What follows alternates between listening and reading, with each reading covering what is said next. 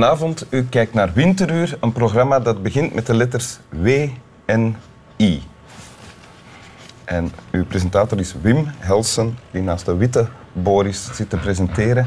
Naast mij zit mijn gast van vanavond. Goedenavond. Hallo, en dat is Lieven van den Houten. Voornamelijk bekend als uh, radiomaker en presentator, ooit bij Studio Brussel. Samen met Goede Liliekes nog, ja. hè? De Lieve Lust, Ja, ja, ja. daarna. Dat is lang geleden. En nu bij Radio 1, Nieuwe Feiten, mijn favoriete radioprogramma. Echt waar? Ja. ja. Dat doet mij heel veel plezier. ja. En niet alleen van mij, want ik heb hier ook... eh, je hebt de grote prijs Jan Wouters gekregen. De prijs die wordt uitgereikt voor mensen die eh, heldere, zich helder weten uit te drukken. Sindsdien ben ik geblokkeerd iedere keer als ik in het openbaar het woord moet voeren. Maar- Oei, oei, nee, dat nee. belooft. Ja. En in de, maar de jury van de grote prijs Jan Wouters hij heeft gezegd over jou, hij slaagt erin om de ernst of de zwaarte te relativeren en het onbeduidende relevant te maken. Ik, ik zou ervan het nog maken, eens van een ander. het ogenschijnlijk Het onbeduidende. ogenschijnlijk, dat was beter geweest. Hè? Want anders ja. is het een beetje raar. Hè? Ja, ja. het onbeduidende blijft onbeduidend natuurlijk. Tenzij het Correct. ogenschijnlijk... On... Dat is trouwens ook een van mijn hobby's. Het ogenschijnlijk onbeduidende relevant maken. Alleen, ik begin vaak verkeerd. Ik begin met iets dat onbeduidend is in de hoop dat het relevant wordt als ik er lang genoeg over blijf praten. Wat dan soms het geval blijkt, maar al te vaak ook niet. Kan Sorry. gebeuren. Kan gebeuren. Overkomt mij ook wel. Hoor. Ja, je hebt een tekst meegebracht. Ja. Van? Het is een tekst van Jeff Gerards Ja. uit eh, Dood in Bourgondië. Een boek eh 40 jaar geleden, een autobiografische roman. Ja? Eh, dat het verhaal vertelt van de dood in Bourgondië. En de dood is eh, de dood van een, een vrucht in de buik van zijn vrouw, Ja? Eleonore. Dat was een buitenbaarmoederlijke zwangerschap die ongezien was gebleven door de gynaecoloog. Dus ze was naar de gynaecoloog gestapt, die had die buitenbaarmoederlijke zwangerschap niet gezien, had een soort van abortus uitgevoerd. Maar er was natuurlijk, ja, die baarmoeder was leeg, dus dat was zinloos. Zij was op reis vertrokken naar Spanje. Ze komen terug en op de terugweg in een hotel in Bourgondië krijgt ze hevige pijn, bloedingen. Het was eigenlijk dat kind dat buiten de baarmoeder zat, dat gestorven is. Ze had kunnen doodbloeden, Ja? eh, aangezien die niet gediagnosticeerd was. Eh, dat is bij wonder niet gebeurd. Maar en het boek is geschreven door Jeff als een soort van wraak tegen die incompetente gynaecoloog. Oké. Ze zijn door het oog van de naald gekropen. Ze was bijna dood. En dat is een soort ja, eh, Saulus-Paulus moment geweest in hun liefde. Zij waren op dat moment nog redelijk jong, hoewel 30, 40. Ja. Maar wel zeer onbezonnen. Ze hadden allebei een heel slecht huwelijk achter de rug. Ze leefden van dag tot dag. Ze dachten niet aan de toekomst. En dat moment, die dood in Bourgondië, heeft hen doen beseffen dat de liefde echt heel erg heeft toegeslagen. Dat ze elkaar hadden kunnen verliezen. En ze hebben resoluut besloten op dat moment om alleen maar te genieten en alleen maar elkaar graag te zien. Dit is eigenlijk het soort eh, gesprek wat we nu hebben, dat we normaal hebben na het voorlezen van... eh, Oh, zal ik lezen? Ja, heel graag. Oké. Ze zijn naar de radio aan het luisteren. Ze zijn in Spanje, in Noord-Spanje, in Rosas. Ze Ik ben luisteren nog altijd niet aan het lezen, hè? Nee. Oké. Maar dit, eh, heb- Ja. deze informatie heb je nodig om de eerste woorden te begrijpen. Ja.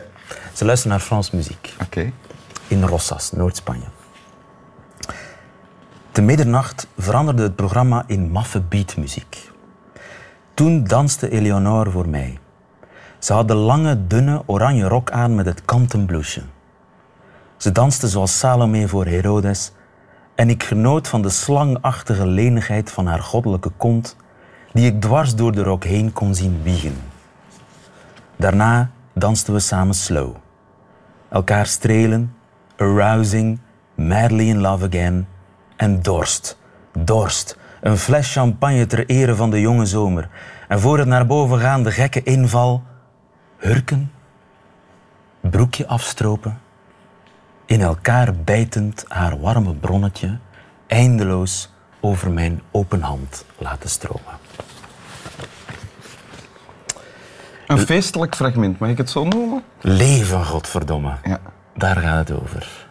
Dus alle miserie is hier voorbij. Is, is, uh, de miserie is voorbij, want dat is ook het, het eigenaardige. De meeste sprookjes eindigen met ze leefden nog lang en gelukkig.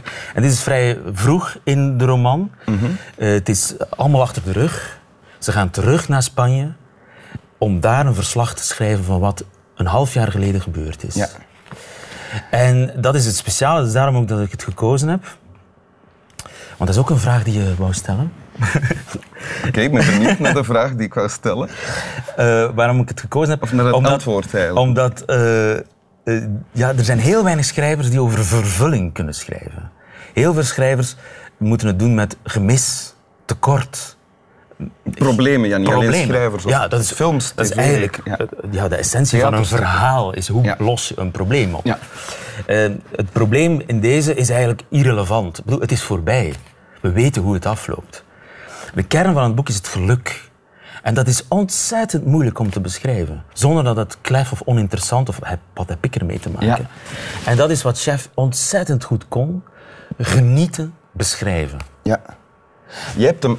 Dit is van 40 jaar geleden. 1976 geschreven. De, de zwangerschap is 75. Je hebt hem ook persoonlijk gekend, Ik toch? heb hen beiden... Hij is nu anderhalf jaar geleden gestorven. Ja.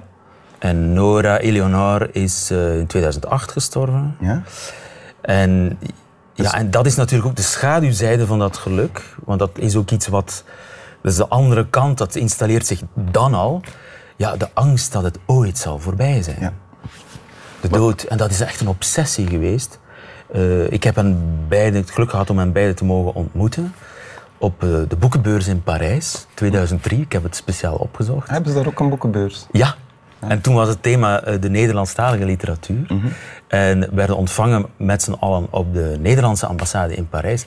Eleonore in full dress, als een prinses.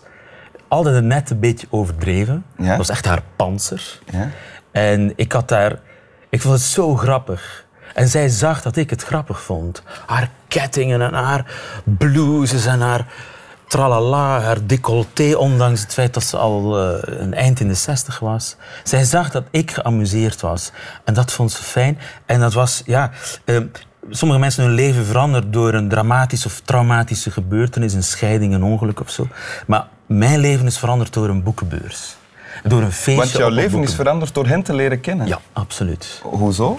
Wel, het, het klikte zodanig, eh, zowel met chef, eh, met Erwin, mijn man, en, en Nora. En we woonden in hetzelfde dorp.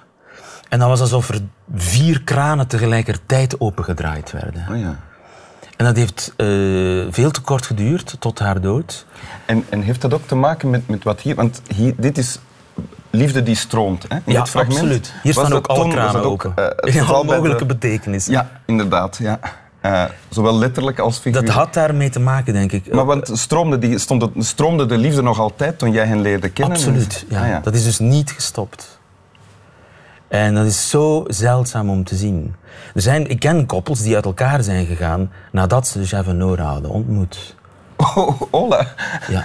Hoezo? Omdat hun geluk... Oh. Ze en- gingen bij hen iets eten en op de terugweg hebben ze besloten we gaan uit elkaar. Omdat het Maar was... dat effect had het niet op jou. Nee, Of op- integendeel. Deed mij beseffen hoe graag ik eigenlijk eh, mijn man zag. Oké. Is daar dan iets veranderd tussen jullie?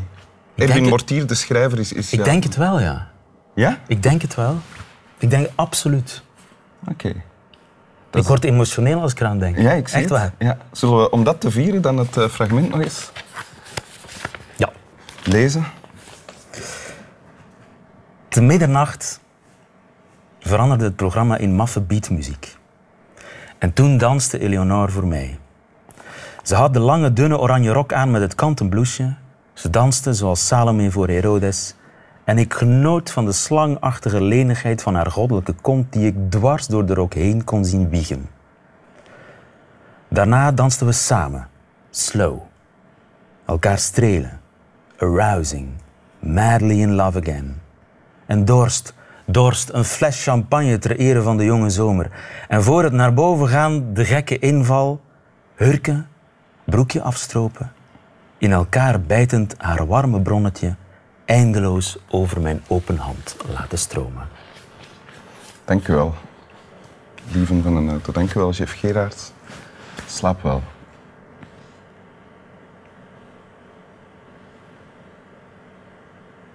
Ik vraag me af, die volgorde. Hè? Hurken, broekje afstropen. Ja? Moet de volgorde niet andersom zijn?